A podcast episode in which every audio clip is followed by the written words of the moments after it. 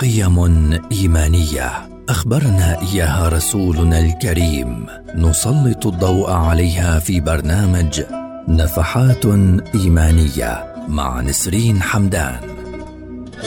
برنامج نفحات إيمانية يأتيكم خلال شهر رمضان المبارك في مثل هذا الموعد عبر أجيال.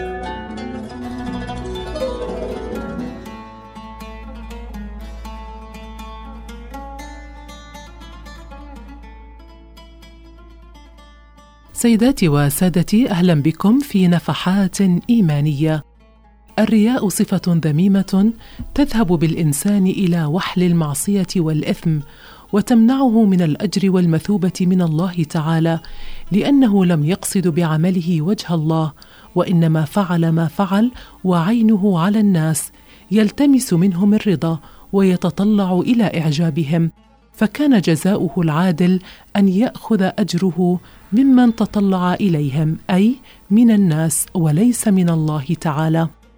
الرياء هو مصطلح إسلامي مشتق من الرؤية ويشير إلى فعل المرء العبادة من أجل أن يراه الناس والرياء ضد الإخلاص فالإخلاص أن تقصد بعملك وجه الله.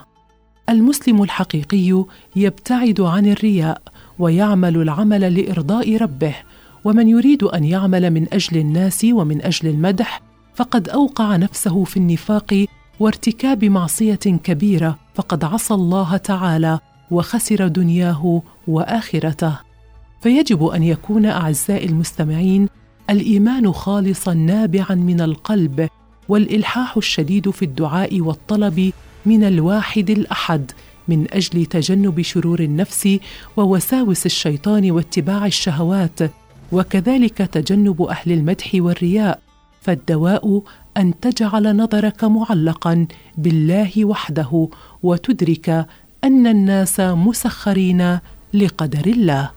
سيداتي وسادتي دمتم بكل خير وإلى اللقاء.